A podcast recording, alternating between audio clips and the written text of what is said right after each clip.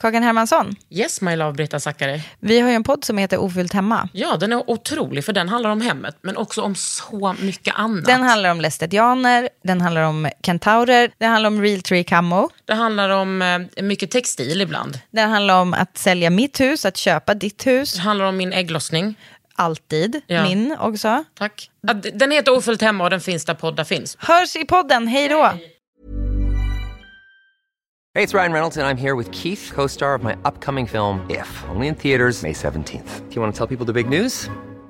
All right, I'll do it. Sign up now and you'll get unlimited for $15 a month in six months of Paramount Plus Essential Plan on us. Mintmobile.com slash switch. Upfront payment of $45 equivalent to $15 per month. Unlimited over 40 gigabytes per month. Face lower speeds. Videos at 480p. Active Mint customers by 531.24 get six months of Paramount Plus Essential Plan. Auto renews after six months. Offer ends May 31st, 2024. Separate Paramount Plus registration required. Terms and conditions apply if rated PG.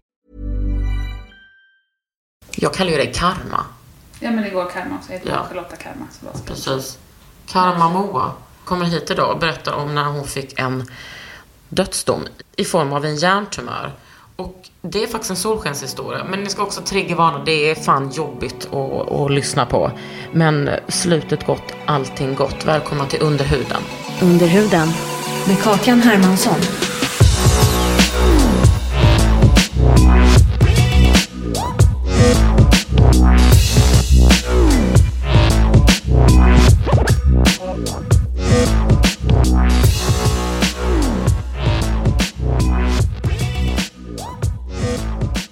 Efter jag födde barn har jag ju liksom blivit en, en tönt. Hur gammalt är ditt barn? Fem. Och hur gammal var hen när du fick cancer? Eh, Ett och ett halvt. Ja. Den paniken. Eh, Hon kommer ju aldrig minnas. Och ha, alltså är jag frisk mamma. nej. Definierar du dig som sjuk nu? Nej, men jag tycker att det är enklare att säga att jag har... För jag har ju kronisk cancer. Jag blir ju liksom aldrig friskförklarad. Nej. Och varför det? För att den var så höggradig, min tumör. Det finns ju en skitskala från 1 till 4. Och i den så hade jag en 3. Och då blir man liksom aldrig friskförklarad. Jag blir ju kollad varje halvår. Tills jag dör. Men nu har du ingen tumör. Ingen tumör. Och det kan vi säga direkt. Det kan vi säga på en gång. Det är en fucking solskenshistoria. som, var, som innehöll andra väder också. Absolut andra väder. Uh, Okej. Ber, berätta hur det började. All, Allt det här vädret. Allt det här vädret. Men alltså jag hade jobbat eh, svinmycket. Eh, och gått ner i vikt och haft ont i huvudet och känt mig stressad och liksom haft massa migrän och tänkte, men fan. Vad jobbade du med då? Då jobbade jag som kommunikationsansvarig. Ehm, och tänkte att men det är ju ganska vanligt att man får lite ont i huvudet när man blir stressad. Det har ju hänt förut.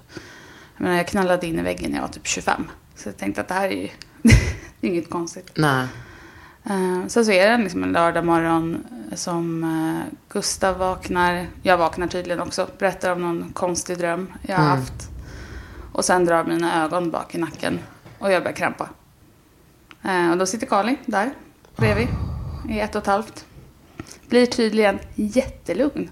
Helt cool. Så jag panikar inte alls. Jag ligger där och krampar, ögonen bak i Är nacken. ni i sängen då eller? I sängen i vårt sovrum. Blod i näsan och hela faderullan. Och hon bara så här kryper nära Gustav och typ klappar på honom så att han ska vara lugn. Gud, tänk att barn är såna. Ja, det är så gås. Eh, nej men så att han, de ringer ju i panik. Så vi hade en kompis som bodde hos oss också. Som ringde till eh, 112 såklart. De kommer dit. Och jag krampar loss, alltså hela vägen in i ambulansen. Och var medvetslös eller? Ja, ja. Eller, vet, jag har inget minne av det. Nej, skönt. Eh, och tydligen så krampar jag också när de då stänger in mig i röntgenröret. Eh, och det heter någonting, de här, liksom, det här språket. Men det är, ja, det är typ dödskramp, antar jag. Ja, du vet. Eh, så de lyckas ju söva mig och lägga mig i respirator. Ja, det var det de var tvungna att göra. Yes. Och då ser de i den här röntgen att det är en svullnad på hjärnan. Mm. Och de anar att den kan sitta runt en tumör. Så de ger mig kontrastvätska och den fastnar. Det är alltså en, ja, någon form av vätska som fastnar på elaka saker. Ja, eller på... Ja, precis. Jag har Ja. gjort det där några gånger. Utan tumör. Eh, men sen så ligger jag ändå i respirator och undrar om jag ligger i. Det här är 3 mars 2018. 5 mars vaknar jag. Vaknar du av dig själv då eller vaknar De du för... väcker mig. Ja. De väcker, och då vet de ju inte vad, vad, det, är som, vad det är som Så ska din vakna. man och ditt barn är... Åh fy. De har ingen aning. Och det, det som hände, vi skulle ju egentligen ha varit i Berlin och sett Kendrick Lamar och firat vår bröllopsdag. Det var ju liksom hela, hela planen. Eh, så när jag väl vaknar och får reda på att det liksom är eh, way past Kendrick Lamar. eh, så får jag ju panik. Och jag säger, men gud hur kan vi göra, hur ska vi åka? Börjar planera så här. Sen så inser jag att, men i helvete, jag ska iväg med en banner. Jag har en banner som ska iväg till jobbet, det är materialdag. Ja. Eh, tvinga min man att ringa eh, vår byrå. Och bara, jag kommer ihåg måtten, jag kommer ihåg allting. Så här, viktbegränsningar på den här bannern. Bara, nu har han sagt, nej, nej, du kanske ska ta det lite lugnt, vila här nu. Du har precis vaknat från, du vet inte vad än. Mm.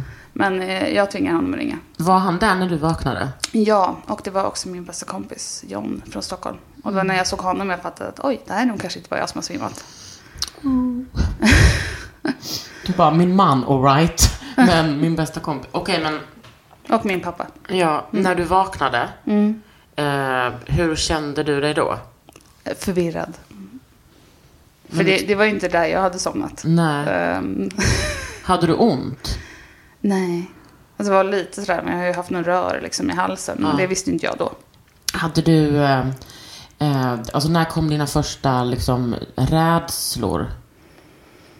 Men det var, som ingen, det var som ingen som sa riktigt vad det var. Utan de berättade att jag hade haft, fått kramper. Och tänkte jag så här, "Jaha, nu ska jag leva med epilepsi då. Om det är det jag har. Du vet. Och det var liksom, jag tänkte inte så mycket på det. Utan jag var så här, ja, ja men skönt att jag överlevde det här. Och så fick jag ligga kvar på sjukhuset. Skulle bli lite bevakad. Och sen tar det väl kanske typ, ja men säg en och en halv dag. Sen kommer en fantastisk man som heter Arne Hassler in. Älskar Arne. Arne, älskar Arne. Eh, han eh, och förklarar liksom att vi har upptäckt en hjärntumör i din eh, hjärna. Och då bara, nej. Ursäkta, qu'est-ce c'est? Men var det, var, hur var din reaktion? Eh, Men jag tror att jag bara var chockad. Alltså, vet, du, så här, vad säger du just nu? Och hjärntumör är så otroligt så här, stigmatiserat. Ja. Det man vet om folk med hjärntumör är ju att de dör. Men visste din man detta? Ja. Men Men de, han- ville, de ville vänta tills jag liksom var... Mm. De visste vad jag var för skick. Mm. Och nu var jag samma arbetsnarkoskick när jag vaknade tydligen. Mm. Så att då kände de väl att det var, det var dags. Och det behövdes ju också förklaras. För det var ju, efter det så gick det ju så himla fort. Det var ganska mycket som skulle hända på de liksom kommande tre veckorna. Men kunde de eh, eh, fast... Eh, sätta, nej det heter inte. Ställa. Fastställa vilken sorts eh, tumör det var? Nej, då behövde de ju öppna skallen. Alltså, jag kan inte förstå att detta är ditt liv, att detta har hänt. Och nu har vi ju ändå fått reda på hur man öppnar eh, en skalle. Just det. Vi ställde ju den frågan. Precis. Ja, och jag har ju också, för er som lyssnar, jag har också följt med. Jag har liksom fått uppdateringar eh, alltid. Jag tror liksom du var en av de första jag följde på Instagram. När jag laddade ner appen. Ja, men vi har ju följt varandra sedan eh, Facebook utan att, äh, utan att ha träffats. Jag vet. Så vi Så då fick man ju bara följa med på cancerresan också. Exakt. Och jag är ju inte den som backar sånt.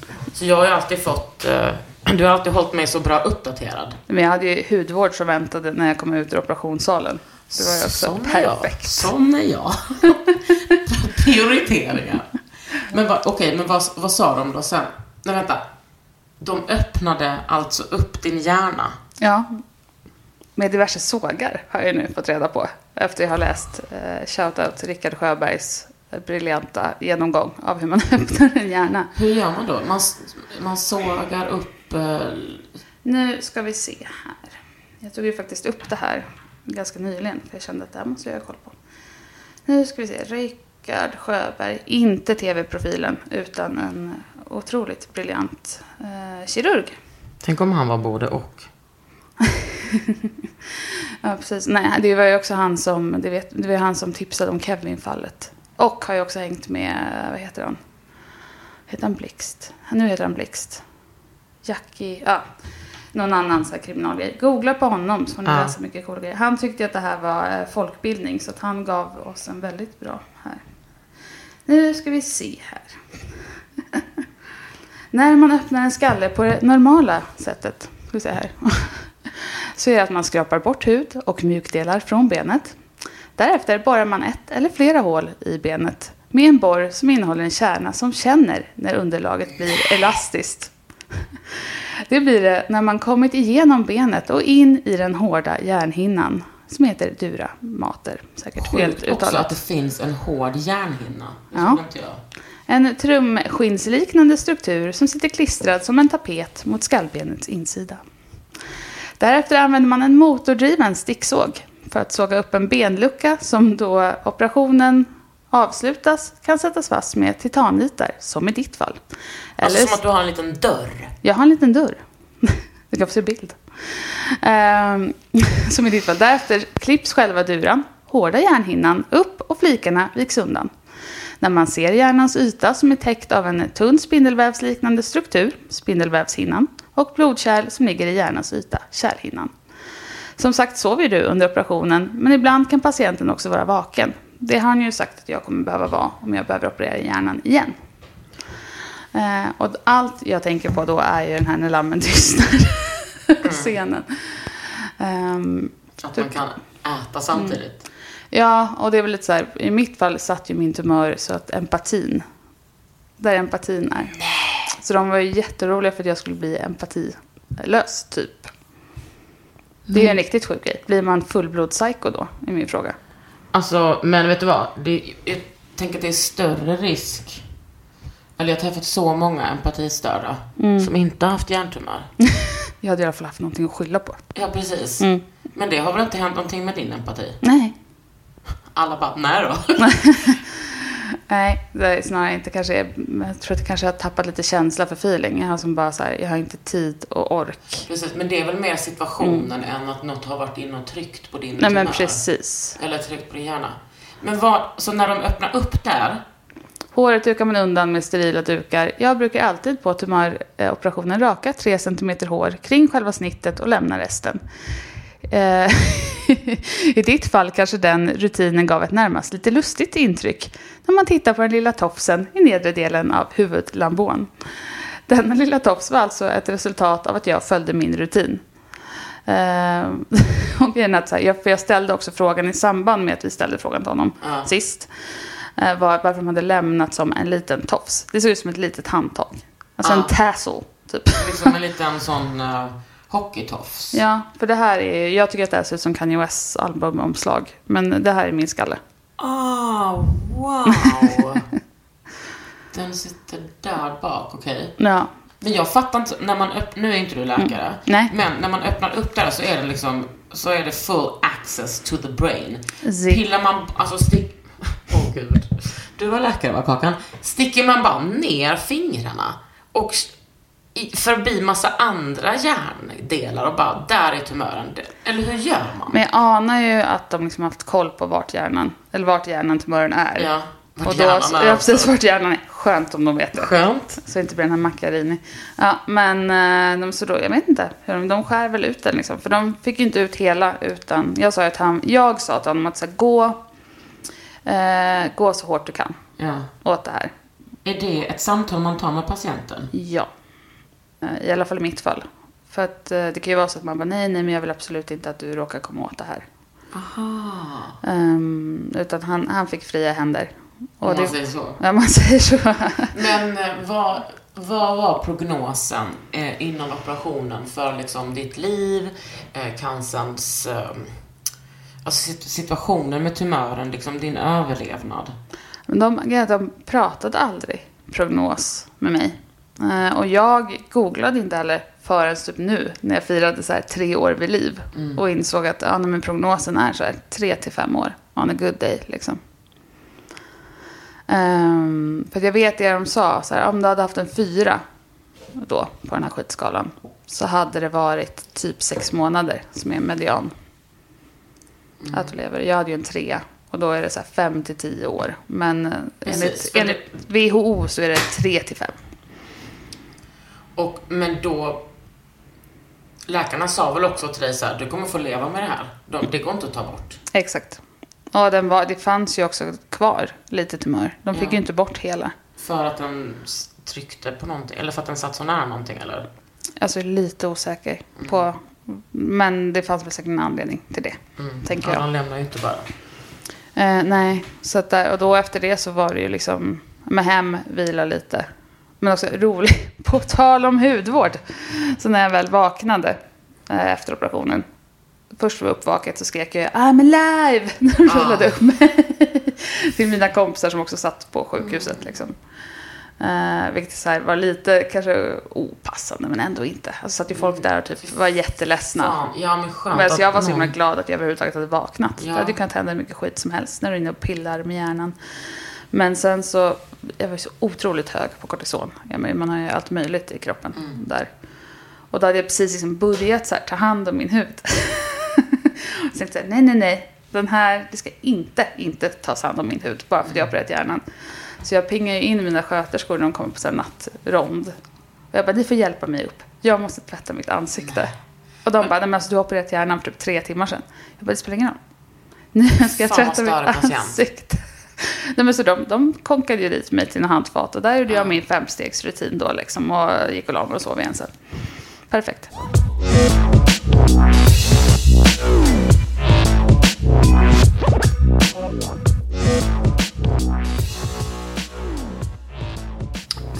Ihåg hur det var. Alltså, innan du skulle göra operationen. Hur lång tid efter det här krampavfallet blev? eh, Tre veckor. Ja. Och det är Va- jättesnabbt. Vad hände under de här tre veckorna i ditt liv? Mm, tänker jag. Jag eh, tror att jag söp och shoppade. Ja. Eh, Som att inte fast någon morgondag typ. Um, dels nog lite så här självmedicinering. Du vet, nu ska livet bara vara en fest. Och sen så fick jag någon så här sjuk dille på att så här, men om jag dör nu så kommer Gustav aldrig låta Carly köpa dyra kläder. För att han är alldeles för vettig för det. Så att här ska det köpas kaftaner med mera som hon kan ärva. Så att jag, jag, hade en, jag gick all in YOLO i tre veckor. Vi eh, kapade mitt hår i förtid. Drack bubbel och lyssnade på Britney. Som man gör när man ska se lite crazy ut i håret. Ja, ja precis ja. Men eh, för jag kommer ihåg att du började, att du skrev massa brev till, till eh, din dotter. Ja, men jag började skriva. Eh, Men det vart också det vart för jobbigt. Alltså jag köpte också, jag fick av min mamma så fick jag en sån här, ja men typ en mick. Alltså spela in. För jag tänkte att om, om jag dör nu så kommer hon vilja höra hur min röst låter. Alltså, jag vill att det ska finnas kvar. Eh, och nu är jag, jag är ju projektledare till yrke och till person. Så att jag började ju liksom death preppa som att det inte fanns någon morgondag. här. Hur såg den preppingen ut då? Ja, men allt från att döstäda källaren, eh, spara alla CD-skivor som jag tycker att hon skulle lyssna på som jag kanske aldrig hade hunnit tipsa om. Lägga undan alla bandtröjor i någon bra låda som jag hoppas hon ska tycka är coola men hon säkert kommer tycka är lame. Eh, man kan ju försöka. Ja, men lite sådär liksom fixa sparande på banken. Eh, säkra upp Instagram. Du vet. Så. För det vet jag att Gustav var, det var en som han gud tänk om din Instagram blir hackad. Det finns liksom tio år av ditt liv i dagboksform där. Så att jag har ju hållit på med Instagram sedan det började. Så. Och nu är jag ju så otroligt sentimental så nu skulle jag ju aldrig ta bort någonting. Men vad var det du tänkte att du liksom, vad hade du mest panik för med din dotter? Allt jag skulle missa. Alltså jag vet att det var, om det här hände i mars då. Och så var skolavslutningarna i typ vet, juni. Och alla la ut så här, Åh, du vet, nu är det dags för sommarlov och nu är det, man hörde studentflak på gatorna och liksom hela den grejen var så här, då grät jag. Jävlar vad jag grät. Eh, och för sen kom ju också liksom skolstart och alla som fick se sina barn starta skolan. Och liksom. Eh, så det är mitt första delmål och det är nästa höst. Mm. jag kommer hulka. Ja, Mm. otroligt. Men vad hade du för tankar om döden? Men alltså jag... Alltså jag, jag har aldrig egentligen varit särskilt rädd för döden. Alltså så. Men jag har aldrig liksom tänkt på den. Jag tror att man är som gemene man. Tänker inte på den förrän den står och stirrar i spegeln typ. Du hade inga, eh, ingen eh, sån re- referens eller relation till död? Men så här, farmor, farmor, farfar har ju dött. Och sen så har jag min så här, bästa person i livet som heter Ingeborg. Eh, som är min mammas moster. Som har varit extra förälder till mig. Hon dog. Och då var jag också där liksom, på sjukhuset när hon var risig. Men det är ju gamla människor. Ja, liksom. Jag har ingen, ingen direkt referensram till liksom, people my age som dör. Men tänkte du... Eh, tänkte du, ja, nu eh, ska jag dö. Ja, Att, och att du så här, försökte vänja dig vid det jo. och Och, närma dig döden. Alltså mentalt och inte fysiskt. Nej, men jag försökte. Jag, jag var nog ganska hård i det också. Att jag var så här, "Ja, men jag ska dö. Hur jobbar vi med det här? Liksom. Ehm, och det, är ju, det var inte läge att komma och så här, thoughts and prayers. Nu ska vi, det här fixar du. Du som är en sån kämpe. Uh, utan jag här, men fuck it, jag, jag styr inte över det här. Jag har en hjärntumör. För jag frågade ju läkarna så här, har jag stressat mig till det här? Så här, har jag gjort någonting för att få en hjärntumör? Ja, men exakt. Uh, de var så här, nej, vissa människor har bara otur. Och i och med att de sa det, då var jag bara så här, "Ja, då dör jag. Och så får jag försöka jobba med det utifrån. Förbereda mig för det, liksom. Ehm, och sen bara hoppas, hoppas på det bästa, typ. Jag tjatade ganska hårt om att jag skulle dö. Och folk försökte prata om annat.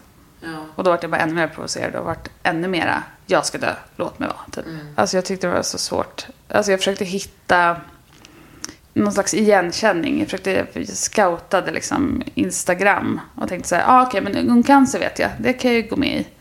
Nej, det kan jag inte för jag var 31 och ett halvt. Och du är bara ung med cancer fram till 30. Så, och jag var så här, "Ha, hmm. Men jag gick ändå in på liksom deras följare och försökte så här, du vet, scouta. Så här, är det någon som du vet, ser ut att vara ish lika gammal som mig? Eh, sen så i och med att jag också jobbar inom liksom, reklam och kommunikation så fick jag förfrågan om jag göra en Cancerfonden-kampanj eh, innan jag åkte in på strålning. Och i samband med den så dök det upp ett helt gäng fantastiska cancergäris och bara så här, you are not alone. Vi är här. Du, du, du. Och det är tack vare Instagram. Alltså hade inte Instagram funnits så hade inte jag haft det här liksom, otroliga support systemet och systerskapet som är de som har gått före och känt alla knäppa känslor och som man kan prata dödsångest med fast man liksom inte ens känner varandra. Men det säger min syrra också, som hade cancer när hon var 14 och jag var 18. Hon bara, alltså... Man känner sig så ensam. Att det är liksom, det spelar ingen roll hur mycket vi älskar henne och finns där för henne. Det är ändå miles, miles, miles away från henne och oss. Hur det var. Nej men precis. Och jag försökte, jag så här, men jag försökte hitta någon liksom småbarnsförälder som också var där. Liksom, någon slags cancermammor. Nu finns det ju, om någon lyssnar på det här, ett otroligt konto på Instagram som heter Mammor med cancer. Eh, där det finns eh, jättemycket stöd och pepp att få. Och folk som väljer att leva med det. Eller kan, inte väljer det är fel, men ja, förstår. Nej, nej, det är otroligt glad sociala medier. Men vad... eh, Efter att du vaknade upp där från, eh, från sjukhuset, skrek I'm alive, gjorde din femstegsrutin. Vad väntade dig då i liksom cancerväg? Då väntade strålning och eh, cytostatika. Och, st- och strålningen var redan, eh, det var, liksom, det var redan klart att ni skulle göra det. Så jag, fick, jag är maxstrålad. Ja, och cytostatika är cellgift kan vi säga. Precis. Här, man ska inte kalla det för cellgifter. Så nu har jag lärt mig säga cytostatika. Fast jag sa cytos... de första veckorna. Det, det är inte ett lätt ord. Cytostatika. Cytostatika. Säg det sju har gånger lärt- fort. då har jag lär, levt med det där ordet så jävla länge. Mm. Åh gud, portakart, allting Ja, har ja. man levt med. Betta metason. Allt som jag tänker på är freestyler med Boomfunk MCs. Varenda gång jag ser den. Betta metason. Gud, den referensen också. Men, och då hade du, eh, bodde ni i Luleå då? Ja. Och du pendlade till Umeå? Ja. Och alltså, thank God or whatever att jag hamnar i Umeå. För där finns ju liksom eliten av just av alla tumörer man kan ha. Men så det är så här- sjukt. Men det är som ena kirurgen, som han forskar på exakt den här typen av tumör. En annan är också en sån här hjärntumörs, Maria Sandström, Jesus liksom. Eh, så det fanns ju så här, ska jag hamnat någonstans så skulle jag hamnat där. Ja. Men så du, hur såg ditt liv ut då? Ja, men så ska... Det kommer låta hemskt. Jag kallar det för cancercharter. Ja. Alltså, Keep in mind att jag hade en ett och ett halvt åring Ja. i all sin glans. Hade full-blown trots. Mm. Det har hon väl fortfarande? Oh ja, Ja. fast nu kallas det väl SAS. Eh, nej men i vilket fall som. Och det är så här, Umeå är en svinbra stad. Alltså så här, jag gick och såg de här, skaffade klippkort på Folkets bio. Ja, men hur såg det ut? För du bodde i Luleå. Det, På det 30 patienthotellet Björken. Är det, ja, men det kommer jag ihåg. För det skickade jag någonting någon gång. Var det... Eh, är det 30 mil mellan? Ja, det tar typ tre och en halv timme med buss. Så du åkte dit och hur... Måndag till fredag i sex veckors tid. Eh, strålning varje dag. Eh, cellgifter varje dag, men jag tog dem i pillerform. Så att jag var ganska liksom, flexibel. Strålningen tar ju så här, vadå? Typ det känns som att det tar tre minuter. Zun, zun, zun, klart. Under huden. When you're ready to pop the question, the last thing you want to do is second guess the ring. At Bluenile.com, you can design a one of a kind ring with the ease and convenience of shopping online. Choose your diamond and setting. When you find the one, you'll get it delivered right to your door. Go to Bluenile.com and use promo code LISTEN to get $50 off your purchase of $500 or more. That's code LISTEN at Bluenile.com for $50 off your purchase. Bluenile.com code LISTEN. Many of us have those stubborn pounds that seem impossible to lose, no matter how good we eat or how hard we work out. My solution is PlushCare. PlushCare is a leading telehealth provider with doctors who are there for you day and night to partner with you in your weight loss journey. They can prescribe FDA-approved weight loss medications like Wagovi and Zepbound for those who qualify. Plus, they accept most insurance plans. To get started, visit plushcare.com slash weight loss. That's plushcare.com slash weight loss. Så du var borta från din eh, lilla dotter. Hur fan var det?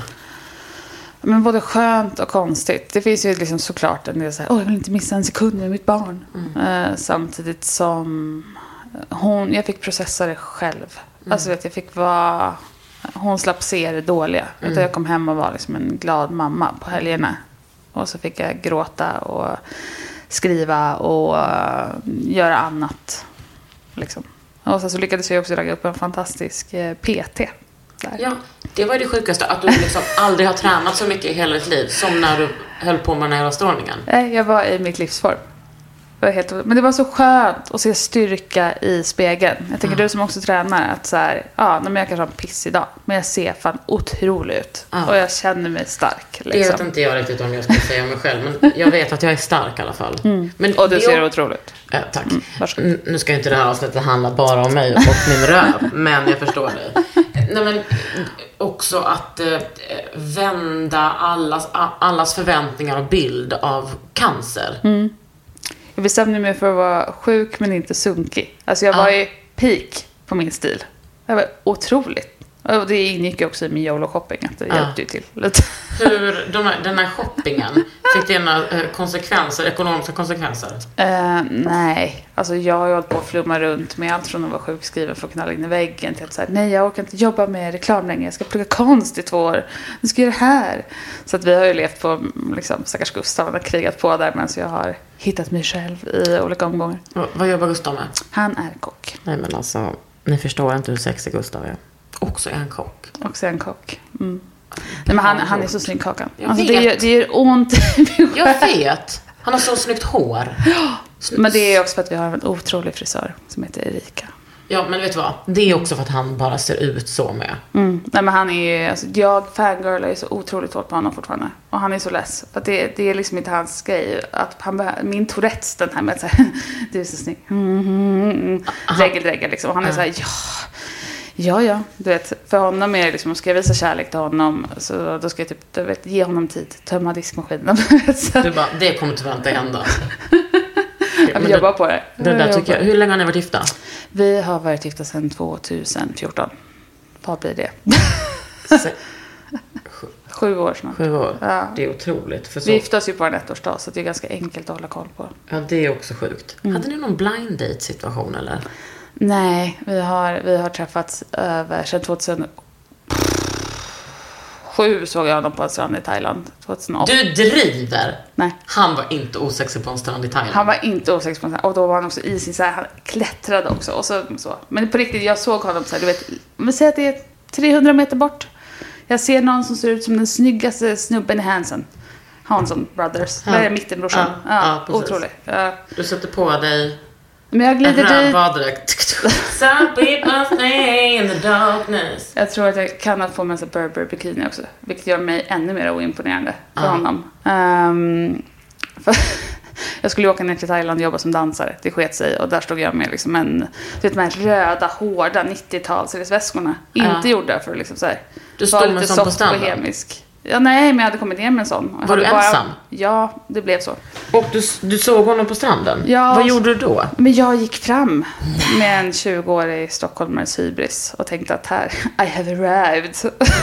Han var så här, ja, kul att du är här. Och så sket han i det. Jag frågade om jag fick sitta bredvid honom. Och han var så här, ja, så vad ska hindra dig? Det är en öppen strand liksom. Eh, helt... Han har liksom inte... Eh, det dry, alltså han känns inte så dryg. Nej. Man kanske inte kan vara dryg när, när ens fru har cancer. Nej, men han är inte dryg. Men alltså, det finns ju inte en människa som jag stör mig på mer i livet. Och vice versa. Båda är skorpioner. Oh, I'm sorry. Mm, med ett lejonbarn. Uff, jag är lejon med ett skorpionbarn. Ja.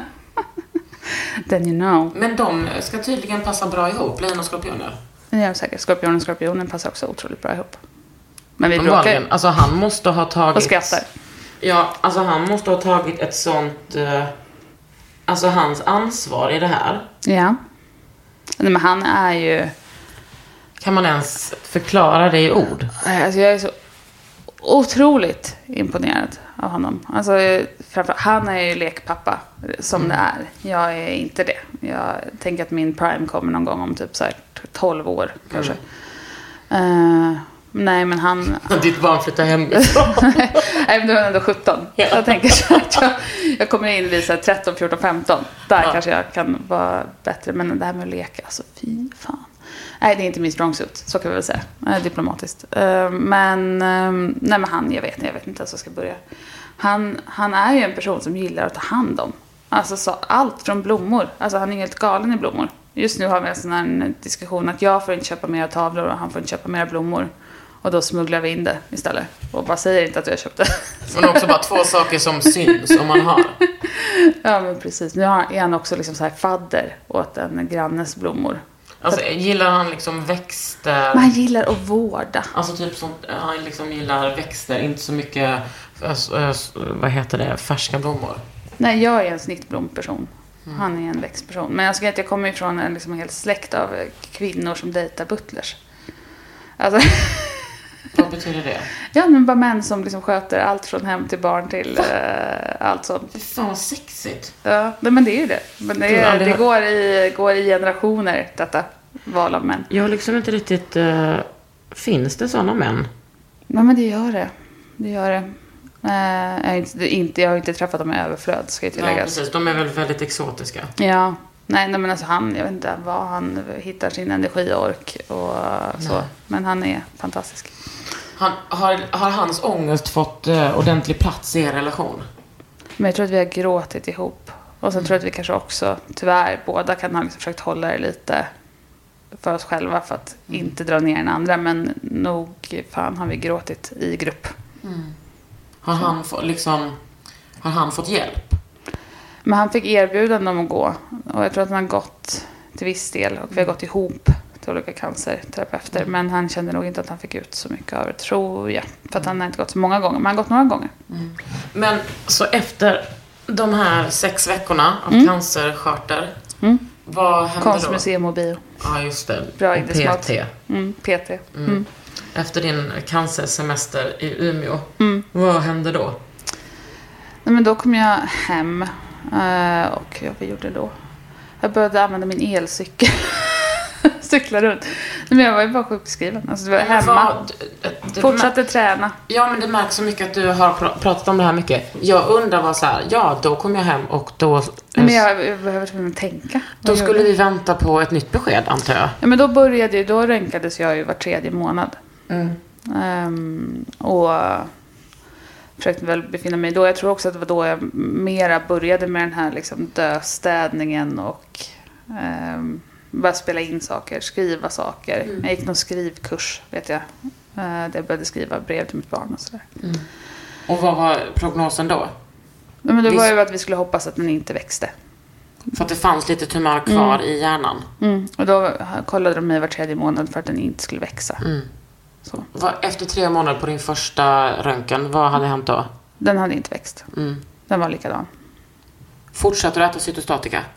I pillerform? Ja, det gjorde den. Jag vet att vi hyrde ett hus i Överkalix. För att, I och med att jag varit ganska dålig. Alltså jag var trött. Inte, inte spydde, ingenting sånt. Utan jag var bara så otroligt trött. Och hjärntrött va? Ja, verkligen. Och då, och då var det så här, för i början när jag kom hem, då var jag så trött så jag kunde inte vet, så här, jag är bra på att gå upp och sova innan cancer också. Att jag var så här, mm. Men det var verkligen som att jag fick någon typ av narkolepsi. Så jag vågade inte gå och bära Kali i trappan. Nej. För jag tänkte tänk om jag somnar i trappan och rasar med henne. Ehm, och vi skaffade en sån här, eh, jag menar en sån här Apple Watch. Bara för att Gustav skulle få kunna lämna mig. För den har ju falldetektion. För Alltså, de- de- den har... Falldetektion. Ah.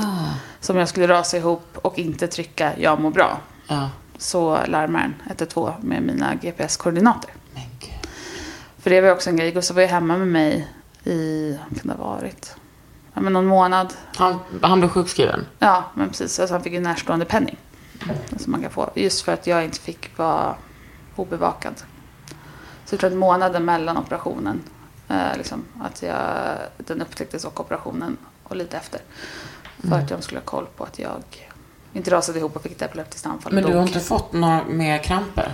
Nej, och nu har vi också gjort en så här, jag bad om att få en utredning för att jag ville ta körkort. Eh, och då, får- det får man inte ta om man har epilepsi. Nej. Så då gjorde jag en sån utredning och utsattes för massa blinkande ljus och tjottafräs. Men ingen epilepsi? Nej, Men körkort? Men körkort. Alltså du är så sjuk i huvudet som gör det här. Du bara, äh, hjärntumör, men vet du vad, jag ska ändå ta körkort. Har ni inte också flyttat efter det här? Jo. Och fått reda på att lägenheten inte hade bygglov. Så vi har hållit på med det också. Smooth. Jag hade en god vilopuls på 127 i september. Men den här september? Mm. Menar du den här lägenheten som ni bor nu i? Mm. Den finns inte. Okej, det kan vi ta sen. Under huden. Men jag kommer ihåg när du messade mig och skrev Kakan, jag är tumörfri. Ja. Alltså det var... Jag får se, jag fortfarande med. så här gåshud. Nej men Ja. alltså det var liksom... eh, eh, alltså det mest surrealistiska jag varit med om. Ja. Nej men det var så sjukt. Var, när var det och efter hur... Men alltså prick ett år. Efter? Prick ett år. Och då har jag alltså gjort vadå, fyra sådana här röntgen. Och kanske inte sett, vi har väl sett någon liten sån här, vad heter det, regression. Alltså när de har minskat lite. Ehm, men så jag vet att vi är i Umeå och det är alltid så här, det är lite härligt att vara i Umeå. För att man har som gått igenom ett trauma där med sina så här, strålningssköterskor. Så att jag springer, eh, springer ner dit till rum två varenda gång och bara Kolla jag lever fortfarande! Och de blir så himla glada för de får ju väldigt sällan Ja. någon uppföljning utan de behandlar liksom. Eh, Så det är alltid liksom, det är med så här kramkalas. Det är liksom kul att komma dit. Eh, Men just den här gången så var det så här, man bara, och man ser på Gustav, det jobbiga är att se hur Gustav reagerar. För att han sitter i det där väntrummet och får liksom sjukt mycket flashbacks och all liksom oro att så här, "Hopp, ska vi börja här igen nu? Ska de säga att nu börjar allt igen? Ehm, nej men och så säger, jag så här, men du det har gått ett år i år liksom. Nu såg jag, jag gillar att ha koll på datum. Idag har jag levt i 1004 dagar tror jag. sen, det, sen dess. Ehm, och då säger hon så här, men du behöver inte oroa dig. Och jag sa, vadå behöver inte oroa dig? Hon bara, jag ser ingenting. Jag bara, vadå ser ingenting? För det här var inte ett alternativ. Vadå ser ingenting? Vad betyder det? Ehm, och då säger hon så här, nej men du, du har ingen hjärntumör. Den är helt borta. Och det, det, det, är, det är så konstigt. Alltså, jag hade precis vant mig vid att jag skulle dö. Hur? Har städat det helt i onödan. Ja, men det gör ju ingenting. Skönt när jag skulle flytta. Men alltså, vad, för att det här är ju som att... eh, jag fattar inte hur det kan ha hänt. Eller vad säger Nej, men strålningen har ju funkat. Ja. Den har ju liksom försvunnit av strålningen. Behandlingen hade ju funkat liksom över allas förväntan. Det var ingen som var beredd på det här. Nej. Det är det man liksom hoppas på i bästa fall. Långt där borta. Kanske, kanske en på miljonen eller vad det nu är. Och du är det? Mm, jag är det. Så de kallar mig, min eh, Arne Hassler, han skriver alltid Tjena mirakelkvinnan när vi har någon kontakt. Och jag tror inte att jag greppade eh, här, på vilken nivå av sjukt det här var. Förrän jag liksom då förra året gjorde mitt livs första googling på det här och bara Åh, hej. Ja. Men det, det måste ge dig så många sjuka perspektiv på livet generellt. När det först händer det overkliga och sen händer det overkliga på andra hållet. Ja, men precis. Nej, men, och jag har ju sagt hela tiden att ska, eh, ska jag få cancer någon gång så tar jag det absolut helst när jag, var, när jag fick det. För då är det så här, men jag är 31, jag var 31 och ett halvt när jag fick det. Jag är 35 nu. Eh, och liksom jag har fysiskt, socialt och ekonomiskt kapital att faktiskt göra någonting av alla de här liksom dödsbäddsinsikterna eh, som kom. Istället för att man ligger där och är 80 bast och det är för sent för att knulla runt i Paris eller vad man nu vill göra på sin bucket list. Vet Gustav att det är på din bucketlist? Or else he's aware now. Ja, precis. Nej, men det är nog inte, det är inte mest på min bucket list. Men ändå. Det Men lite eh, din bok kanske ska heta det, Dödsbäddsinsikt. sikter. Ja, något Fan sånt. vad jobbigt att säga, jobbigare än cytostatika. Svåra ord. Eh, ja, nej. Så nej, men det var, det var... mm, Jag tycker att det är... Och det är många jag vet som har haft cancer som säger det också. Att så här, fan vad lyxigt. Liksom. Att Alltså, få en de jobbig läxa. insikterna. Mm. Liksom. Ehm, så att... Ja, det finns väl aldrig en härlig tid av cancer, men jag är ändå tacksam för att den kom då. Mm. Och att Kali var så lite så att hon inte har något större minne. Pratar ni med henne om din sjukdom? Ja. Eh, Och jag tycker att det är viktigt att det liksom inte ska vara något stigma kring det där. Utan hon vet att jag, och framförallt kanske också för att hon ser att jag springer runt med ett spikpannband. som är som en spikmatta. Ja. Fast man sätter på. Som funkar jättebra för mig när jag blir hjärntrött eller behöver Ah. fokusera. Ehm, så att eh, hon har ju sett det på. Och vet att det är för att mamma blir trött i hjärnan. Eller liksom, hon tjafsar inte om vi säger att jag behöver vila. Men hon tjafsar om allt annat va? Ja, Ja, nice. 100 procent. Hon sa till mig förra veckan att hon vill bo själv. Hon är fem. Hon var liksom över det här. Vänta, när är hon född? Hon är född den 12 augusti 2016. Ja, precis. Hon är ju drygt ett år äldre Mm. än min son. Men är hon fortfarande sådär ganska liten? Ja, men hon... Jag gör så här, så att hon är tre centimeter. Nej, men hon hade ju storlek eh, 86 tills hon var typ 3, 4. Och det var helt tvärtom med mitt barn som är sån superlång. Nej, så att, eh, nej, men hon är fortfarande ganska liten. Men hon har börjat spurta i växt nu. Ja. Hon är så lik dig också. Alltså hon är så lik dig att jag liksom, alltså speciellt över typ mun, alltså det är helt stört. Ja, men jag tycker, jag tycker att sånt är svårt att se. Jag tycker att jag ser mycket mer på beteenden. Ja. Det är Ja, det liksom, också. jag ser bara framför mig, alltså Gustav är ju mellanbarn. Och han är verkligen också mellanbarnens mellanbarn. Och jag är ensambarn. Det är, det är en spännande kombo. Nu lever han liksom i två ensambarn. Men kan du, eh, eh, om du skulle vilja, skulle du kunna få barn igen? Ja, alltså. Jag har ju mens. Så att jag tänker att det är, liksom, det är någonting i kroppen som är som vanligt. Ehm, men jag ställde ju frågan till min, eh, till min eh, onkolog. Eh, för, men jag tror att hade inte det här hänt så hade vi säkert haft om det hade gått en bebis till. Liksom.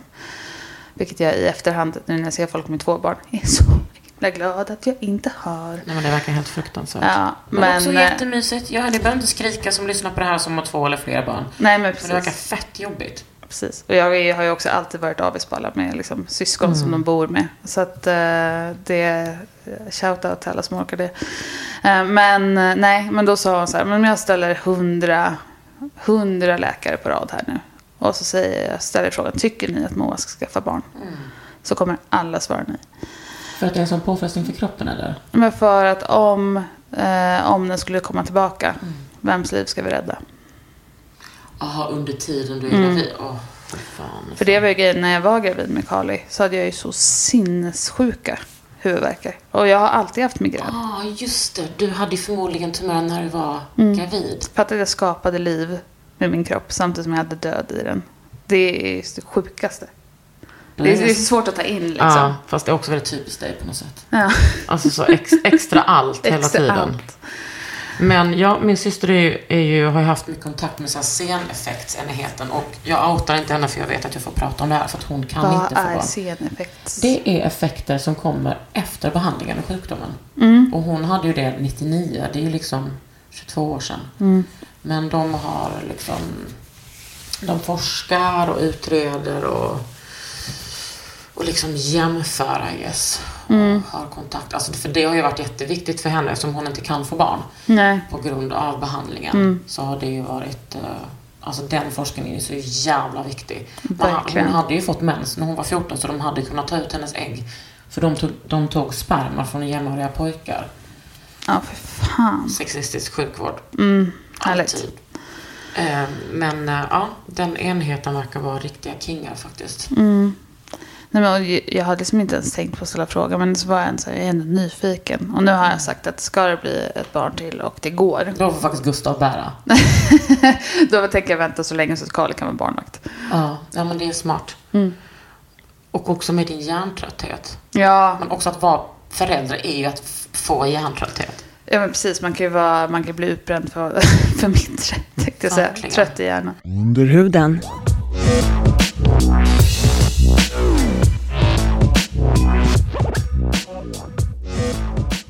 Vad gör du nu på dagarna? Vad har du för jobb nu? Jag har, jag har fått ihop det till tre titlar här nu. Eh, Men jag började första september så började jag jobba på ett techbolag som eh, marknadskoordinator. En helt ny värld. En plats jag inte visste fanns. Nej, Som- alltså techvärlden. Ja, nej, det, jag eh, beskriver det lite som att så här, och liksom, det är inget illa ment mot mina tidigare arbetsgivare, men jag beskriver det lite som att komma ut, du vet när man går in i en väldigt bra relation och börjar inse hur man har blivit behandlad i tidigare relationer, så man liksom lite börjar behandla traumat. Ja. Så fort någon gör något snällt så är man så här, jaha, oj, är det så här det ska vara? Jag vet verkligen hur det där är. så, det, så just nu har det varit en, eh, inne på en månad av liksom brutal love. Fan vad härligt. Ja, men det är så härligt. Värd.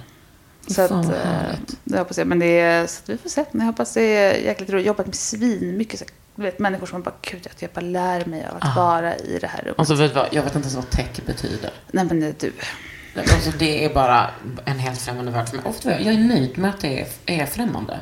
Jag måste, bara, jag måste ge ett exempel som jag tycker är svincoolt. Jag jobbar bland annat med ett bolag i bolagen som jobbar med, eller ett systerbolag som jobbar med AI. Ja. Mm, och det är också luddigt för många att ta in, även för mig. Artificial intelligence. Precis. Och då har vi, eh, då har vi bland annat en kund som där vi plockar datan från väder. Så vad är det för väder? Den datan går in i, så, ah, det är soligt. Mm, de här jobbar med köttprodukter. Och så skickar de signaler till produktionen att så här, ja, nu är det soligt. Vi behöver göra sjukt mycket mera korv, hamburgare, grillgrejer. Så det är som man tar data från väder, in i köttproduktion och ut i butik. Sånt tycker jag är häftigt. Okej, det- veganerna kommer inte bli glada av att höra det här, men jag förstår. Mm. Wow. Om vi säger så här. eh, Det görs även veganska produkter på det här bolaget. Som också går på samma dator. Yeah bitches. Wow, fan vad roligt. Jag Mm, och bara- drivs av jättemycket brudar. Det tycker jag också är härligt. Ja. För jag har varit ensam tjej i digitala sammanhang ganska länge. Mm. Och fått stå ut med alla sen. Oj, hur känns det att vara tjej här? Och man bara, Det känns svin- jättebra, tack. Ja, precis. Jag vaknar varje morgon, tar mig på tuttarna och säger, gud vad jag är bra på kod. Ja. Kan, Det- du, kan du koda? Nej. Jag kan inte koda, men man blir också, jag blir så här, trots ålder det kommer in någon Ja. skön konsultdoja och ska tycka till liksom. Konsultdoja. Ja.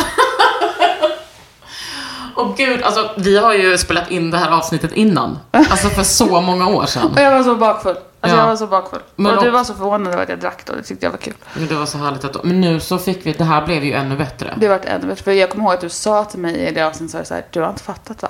Och jag var så här, nej. Nej. Och då var jag ju inne i min dekadenta shopping, party, eh, ignorera elefanten i rummet-period. Så jag tror att det blir mera relevanta insikter den här vändan. Ja. Jag är så glad att du lever. Ja, men jag med. Hurra. Hurra. Har du fått sett Kendrick då? Nej, jag såg Kendrick innan i Stockholm en gång. Men nu, nu börjar det komma lite konserter igen. Jag är så ledsen. Jag missar Ken Rings sista turné. Min Hässelby-abstinens. Ja, det är skönt att någon... Okej, jag ska inte kommentera det.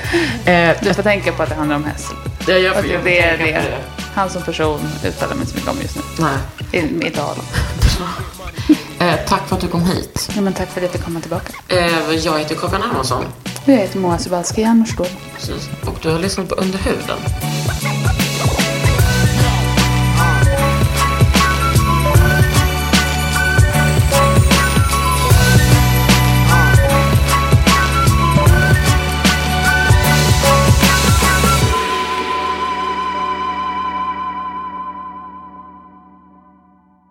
En podd från Allermedia.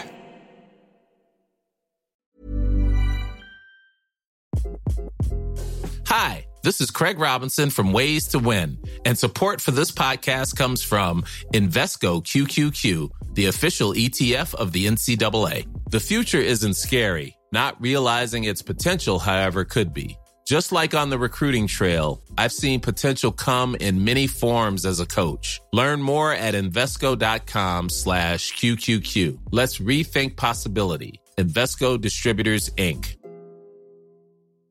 Ever catch yourself eating the same flavorless dinner three days in a row? Dreaming of something better? Well, HelloFresh is your guilt-free dream come true, baby. It's me, Kiki Palmer. Let's wake up those taste buds with hot, juicy pecan-crusted chicken or garlic butter shrimp scampi. Mm. Hello Fresh. Stop dreaming of all the delicious possibilities and dig in at HelloFresh.com. Let's get this dinner party started.